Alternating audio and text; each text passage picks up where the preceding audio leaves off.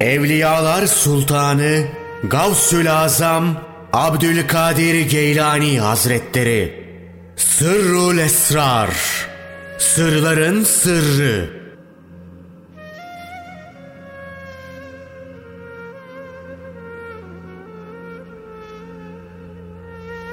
18. Fasıl Şeriat ve Tarikat Haccı Hac iki çeşittir. Şeriat haccı ve tarikat haccı. Şeriat haccı, Beytullah'ı şartlarına ve erkanına uygun olarak ziyaret etmektir. Bu şekilde yapılınca hac sevabı hasıl olur. Şartlarında bir eksiklik olursa haccın sevabı da eksik olur. Zira Allah Teala haccı ve umreyi Allah için tamam yapın buyruğuyla bize haccı tamamlamayı emretmiştir. Haccın şartlarından bazıları şunlardır. İhram, Mekke'ye girme, kudüm tavafı, Arafat'ta vakfe yapma, Müzdelife'de bir müddet durma, Mina'da kurban kesme, hareme girme, Kabe'yi yedi şalt, turla tavaf, zemzem suyu içme, İbrahim aleyhisselamın makamında iki rekat tavaf namazı kılma.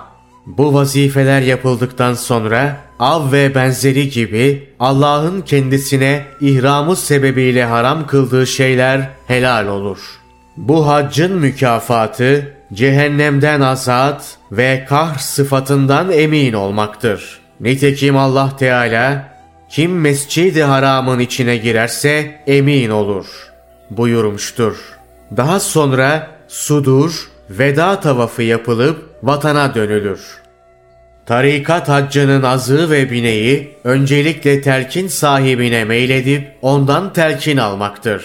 Sonra lisan ile zikre devam etme ve manasını düşünme gelir. Böylece o kişi için kalp hayatı hasıl olur. Sonra batın zikriyle iştigal ederek sıfatların isimlerine devam etmek suretiyle batınını tasfiye eder. Böylece sıfatların nurlarıyla sır Kâbesi ortaya çıkar. Nasıl ki Allah Teala İbrahim aleyhisselam ile İsmail aleyhisselama ilk önce Kabe'yi temizlemelerini şu şekilde emretmiştir. İbrahim ile İsmail'e şöyle emrettik. Mabedimi onu tavaf edecekler için temiz tutun.'' Zahiri Kabe'nin temizlenmesi onu tavaf edecek insanlar içindir.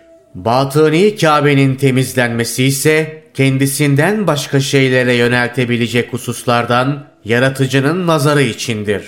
Sonra kutsi ruhun nuruyla ihramlanıp kalp Kabe'sine girer. İkinci isme devamla kudüm tavafını yapar. Sonra münacat yeri olan kalbin Arafat'ına gider.'' Üçüncü ve dördüncü isme mülazemetle orada vakfe yapar. Sonra gönül müzdelifesine giderek beşinci ve altıncı ismin arasını cem eder. Sonra sır minasına geçer ki orası iki haremin arasıdır. O ikisinin arasında durur. Sonra yedinci isme devamla mutmainne nefsi kurban eder.'' Zira bu isim fena, yokluk ismi ve küfür perdesini kaldırıcıdır. Sonra sekizinci isme devamla ruh başını beşeri sıfatlardan tıraş eder. Sonra dokuzuncu isme devamla sır haremine girer. Akiflerin, itikafta olanların rü'yetine ulaşarak 10. isme devamla üns ve kurbet yaygısında itikafa girer. Sonra hiçbir keyfiyet ve teşbih olmaksızın Cemali Samediye'yi görür. Sonra Furuat'tan altı isimle birlikte on birinci isme devamla yedi şavt ile tavaf eder. Sonra Rableri onlara en temiz içeceklerden ikram edecek. Buyruğunda ifade edildiği gibi 12. ismin kadehiyle kudret elinden içer. Baki mukaddes vecihin refiyle yücelerek onun nuruyla ona bakar. İşte bu bir kutsi hadiste geçen hiçbir gözün görmediği ifadesinin anlamıdır ki bundan maksat Allah'a kavuşmaktır. Hiçbir kulağın işitmediğinden kasıt harfler ve ses vasıtası olmaksızın Allah Teala'nın kelamıdır. Hiçbir beşerin kalbine gelmeyenle rü'yet ve hitap zevki kastedilmektedir. Sonra tevhid isimlerinin tekrarı sayesinde kötülüklerin iyiliklere dönüştürülmesiyle ihramlıyken Allah'ın haram kıldıkları helal olur. Şu ayette ifade edildiği gibi ancak pişman olup doğru yola dönen, iman ederek dürüst ve erdemli davranışlarda bulunanlar bunun dışındadır. Zira Allah'ın önceki kötü hallerini iyi hallere dönüştürdüğü kimseler işte böyleleridir. Sonra nefsani tasarruflardan azad olmak. Sonra unutmayın ki Allah'a yakın olanların, evliyanın korkmaları için bir sebep yoktur. Onlar acı ve üzüntü çekmeyecekler. Buyruğunda belirtildiği gibi korkudan ve hüzünden emin olmak. Allah fazl ve keremiyle bizi ve sizi bununla rızıklandırsın. Sonra bütün isimlerin tekrarıyla sudur veda tavafını yapar.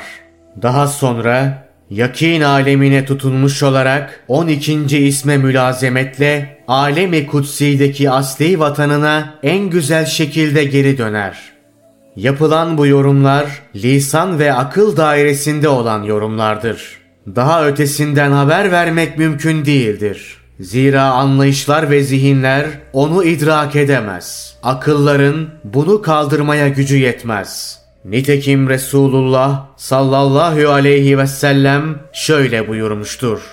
İlmin gizli bir kısmı vardır. Onu ancak Allah Teala'yı tanıyanlar bilebilir.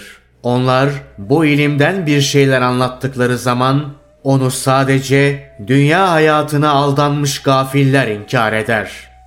Arif olan altındaki, Allah'ı bilense üstündeki şeylerden bahseder. Çünkü Arif'in ilmi Allah Teala'nın sırrıdır. Onu Allah'tan başkası bilemez. Şu ayette ifade edildiği gibi o dilemedikçe onun dilediği kadarından başka insanlar onun ilminden hiçbir şey edinemez. Hiçbir şey kavrayamazlar.'' Buradaki insanlardan kasıt peygamberler ve velilerdir. Allah Teala yine şöyle buyurmaktadır. Sözü ister gizle ister açığa vur. O insanın gizli düşüncelerini de bilir, gizlinin gizlisi duygularını da. Allah ki kendisinden başka ilah olmayan O'dur. En güzel, en yüce nitelikler, isimler O'nundur.''